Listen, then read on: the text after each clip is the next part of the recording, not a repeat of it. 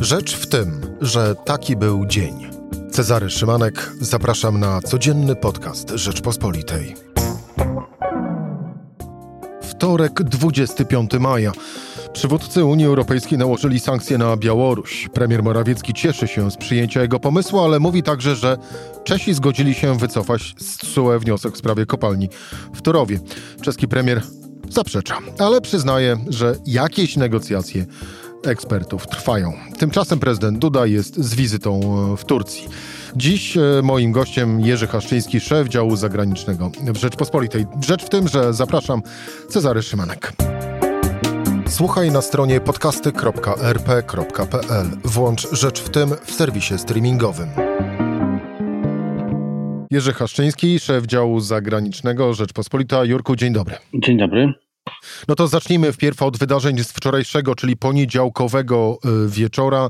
Szczyt y, przywódców Unii Europejskiej y, w Brukseli kończy się nałożeniem sankcji na Białoruś, a dokładnie zdecydowano o zakazie przelotów przez przestrzeń powietrzną Unii Europejskiej dla białoruskich linii lotniczych i uniemożliwieniu im dostępu do portów lotniczych na terenie wspólnoty. E, Aleksandr Łukaszenko, on ruszy się po tych e, sankcjach, czy też tylko wzruszy ramionami? Myślę, że wzruszył zanim się e, rozpoczął szczyt. Jak na Unię Europejską e, sankcje są szybkie, przynajmniej te lotnicze, i zapowiedź następnych sankcji gospodarczych, wydłużenia czarnej listy dla oficjeli oprawców białoruskich, to też jest dużo jak na Unię Europejską. Natomiast jak na wywarcie presji na Łukaszenkę, to jest zdecydowanie y, za mało. Zresztą nie wiem, jak wielkie musiały być sankcje, żeby ktoś, kto uważa, że świat y, mu zagraża, zagraża mu opozycja, zagrażają mu dziennikarze, mógłby ulec. On walczy o życie i chce poznać spiskowców, którzy y, czyhają na, na niego. I taki był cel tej operacji w Mińsku w niedzielę, która doprowadziła do tego, że szczyt unijny się w ogóle sprawą Białorusi zajął. Także i główny cel, którym mają te sankcje, no bo dlatego się pojawiły, czyli uwolnienie Ramana Pratasiewicza, biednego dziennikarza przechwyconego w czasie lotu z wolnego do wolnego świata, mm, no to obawiam się, że nie zostanie osiągnięty. Nawet jestem głęboko ze smutkiem przekonany, że tak nie będzie. Jerzy, to w takim razie co musiałoby się stać, aby Łukaszenko został przyparty do muru i poszedł na ustępstwa? Musiałby zostać przyparty do muru przez sponsora swojego, czyli przez Kreml, a niewiele wskazuje na to, żeby Kreml widział w tym jakikolwiek interes, wręcz przeciwnie. Kolejny konflikt, kolejne problemy Zachodu, który musi się jakoś zachować i pokazać swojemu społeczeństwu, że torturowanie, porywanie ludzi jest niedopuszczalne, że to też osłabia Zachód, a wszystko to e, pomaga, pomaga Rosji, która jeszcze może tutaj wystąpić później jako jakiś e, czynnik deeskalujący sytuację, coś drobnego obieca, coś drobnego zrobi i wszyscy będą zachwyceni. A długofalowo nie spodziewam się e, żadnych, żadnych zmian na wschodzie, jeżeli Zachód naprawdę by nie potraktował także Putina poważnie, to a nie zrobi tego, nie zerwie z nim stosunków, nie zagrozi żadnym poważnym interesom gospodarczym. Więc będzie tak jak jest. To trwa od wielu, wielu lat. Zachód zapracował sobie na to, jak wygląda teraz postradziecki wschód. Ale to z tego Jerzy płynie taki dosyć smutny wniosek, że tak naprawdę Zachód jest zakładnikiem Władimira Putina. Tak, no, no to trochę na własne, na własne życzenie.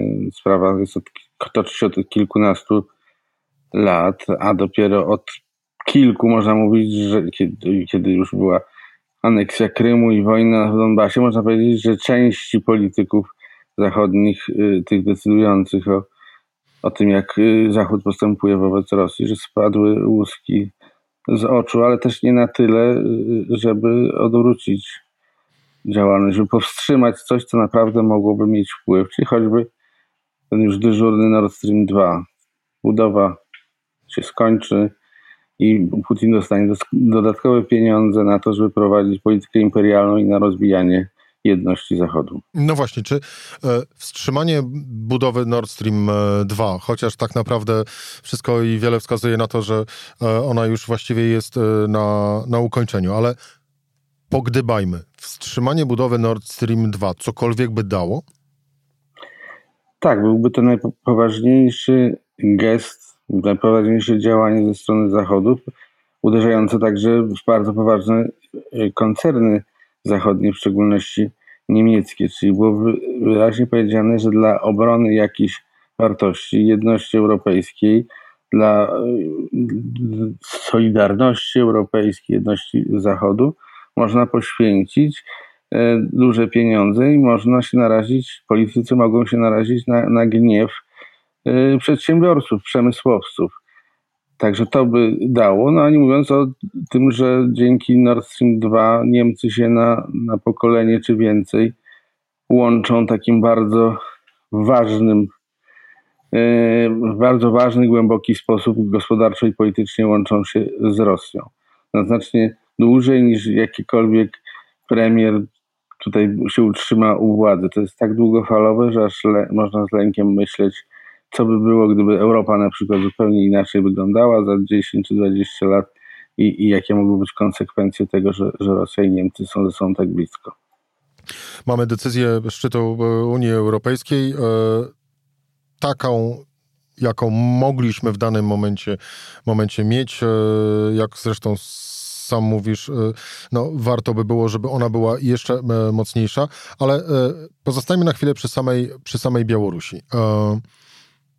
Wydawałoby się, że w niedzielę Aleksander Łukaszenko przekroczył Rubikon, właściwie kolejny Rubikon. Co za tą granicą, e, Twoim zdaniem, może, może być?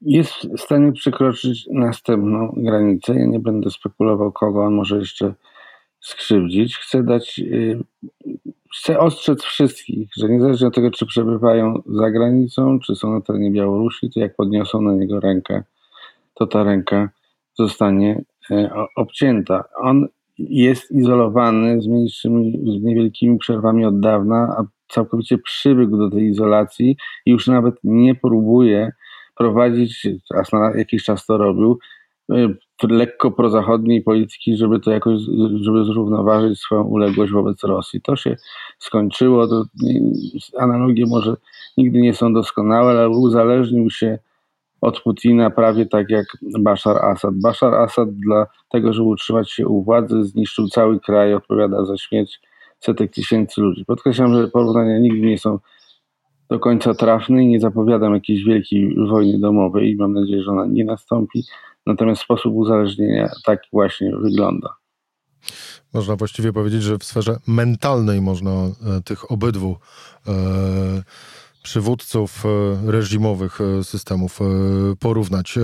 To jeżeli chodzi o naszą wschodnią granicę, a teraz przenieśmy się w kierunku południowych sąsiadów, relacje Polska-Czechy, czyli dziś w nocy premier Mateusz Morawiecki stwierdził, że po rozmowie z premierem Czech Wiktorem Babiszem ten zgodził się wycofać skargę Czech do TSUE w sprawie kopalni w Turowie, po czym rano, jak premier e, Babisz zobaczył słowa premiera Morawieckiego, no to powiedział, że nic takiego nie miało miejsca, ba mało tego, nawet nie chciał rozmawiać z Morawieckim o kopalni e, w Turowie.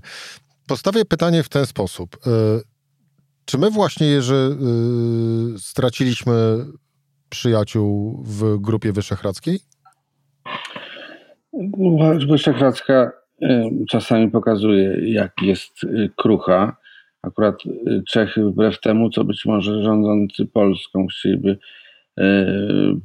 podkreślić, że naszym najbliższym sojusznikiem tam są Węgry, to znacznie więcej łączy nas z Czechami pod względem gospodarczym i, i strategicznym. To jest nasz zazwyczaj drugi partner handlowy w dużo większych E, Niemcach. Bardzo bliskie takie społeczno-ludzkie więzi są. E, od kilkunastu lat są robione badania w Polsce CBOS na temat tego, jaki naród się cieszy największą sympatią. I nie wiem, czy był jeden rok, w których Czechy nie były, Czesi nie byliby na pierwszym miejscu. Po prostu są ulubionym narodem Polaków. Tutaj Węgrzy, co prawda ich e, miejsce rośnie w tym rankingu, ale cały czas są znacznie, znacznie dalej. Ja uważam, że ten kryzys zostanie przezwyciężony, co nie znaczy, że e, jest zaufanie. Nie, nie ma zaufania. To, że w ogóle Czesi się zdecydowali na złożenie takiej skargi, pokazuje, że zostało coś zaniedbane, mimo tego głoszonego nawet bliskiego mimo ogłoszonej bliskości między premierami, choćby jakoś okazało się, że nie, nie są w stanie się dogadać. Być może to było na jakimś niższym poziomie zaniedbanym. Teraz widać, że zaufanie jest tak, z zaufaniem jest tak kiepsko, że nawet premierzy y, w, w Brukseli przy kamerach z całego świata y, okazują sobie wzajemnie ufność, że, że nie mogą się w takiej sprawie dogadać. To oczywiście niedobrze wróży.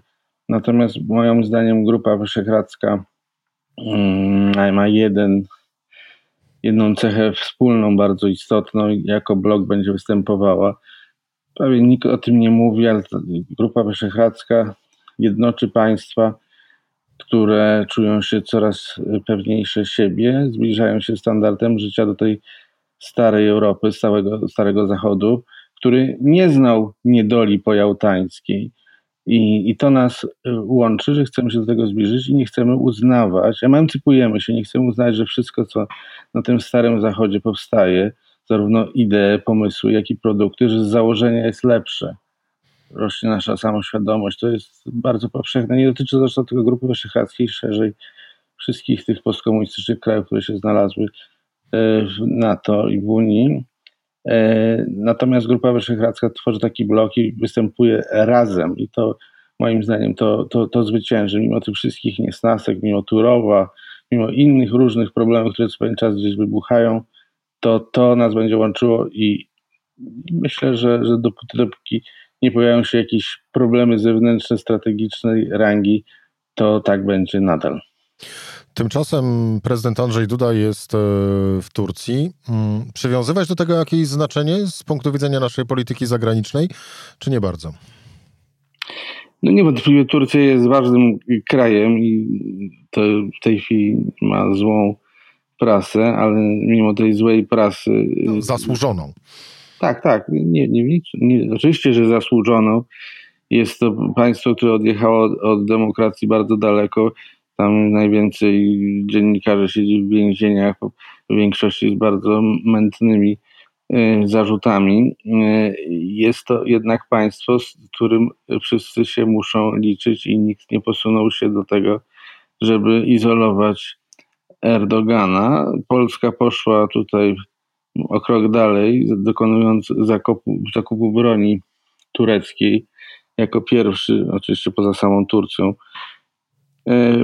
partner z NATO, co wyraźnie pokazuje, że Polska chce e, mieć jakąś równowagę, pokazać też Stanom Zjednoczonym, że nie jest jedynym dostawcą broni, a poza tym chce odciągnąć, chce odciągnąć Turcję od bliskiego sojuszu e, z Rosją. W tej, w tej grze tego odciągania Turcji, przynajmniej częściowego, biorą też udział Ukraina i Rumunia. Jest czas, w którym to, ta wizyta e, ma miejsce, może nie jest zręczny. Nikt nie mógł przewidzieć oczywiście, co się wydarzy na Białorusi, ale mimo wszystko staram się zrozumieć ideę, jaka jej przyświecała. Ale można było też sobie wyobrazić słowa prezydenta e, Andrzeja e, Dudy, ujmujące się za Ramanem Pratasiewiczem i przy okazji również za tureckimi dziennikarzami.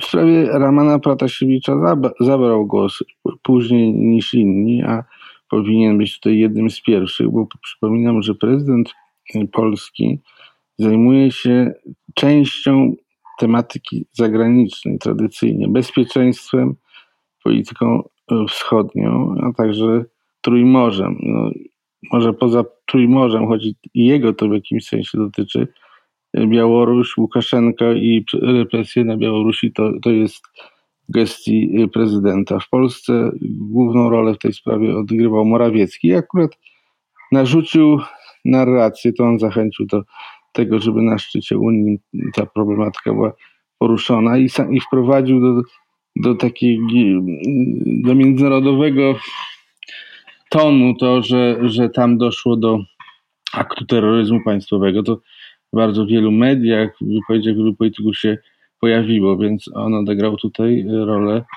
pierwszoplanową, natomiast Duda jest w cieniu i jeszcze pewnie uważa, że tak powinno być, że to, to powinien robić rząd. Ja tak nie uważam. On też powinien być y, jednym z tych, którzy zabierają głos pierwsi i krzyczeć w tej sprawie.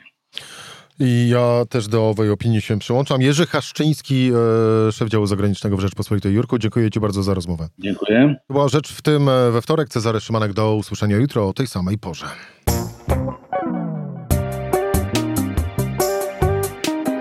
Rzecz w tym to codzienny program Rzeczpospolitej. Od poniedziałku do czwartku o godzinie 17. Słuchaj na stronie podcasty.rp.pl. Włącz Rzecz w tym w serwisie streamingowym.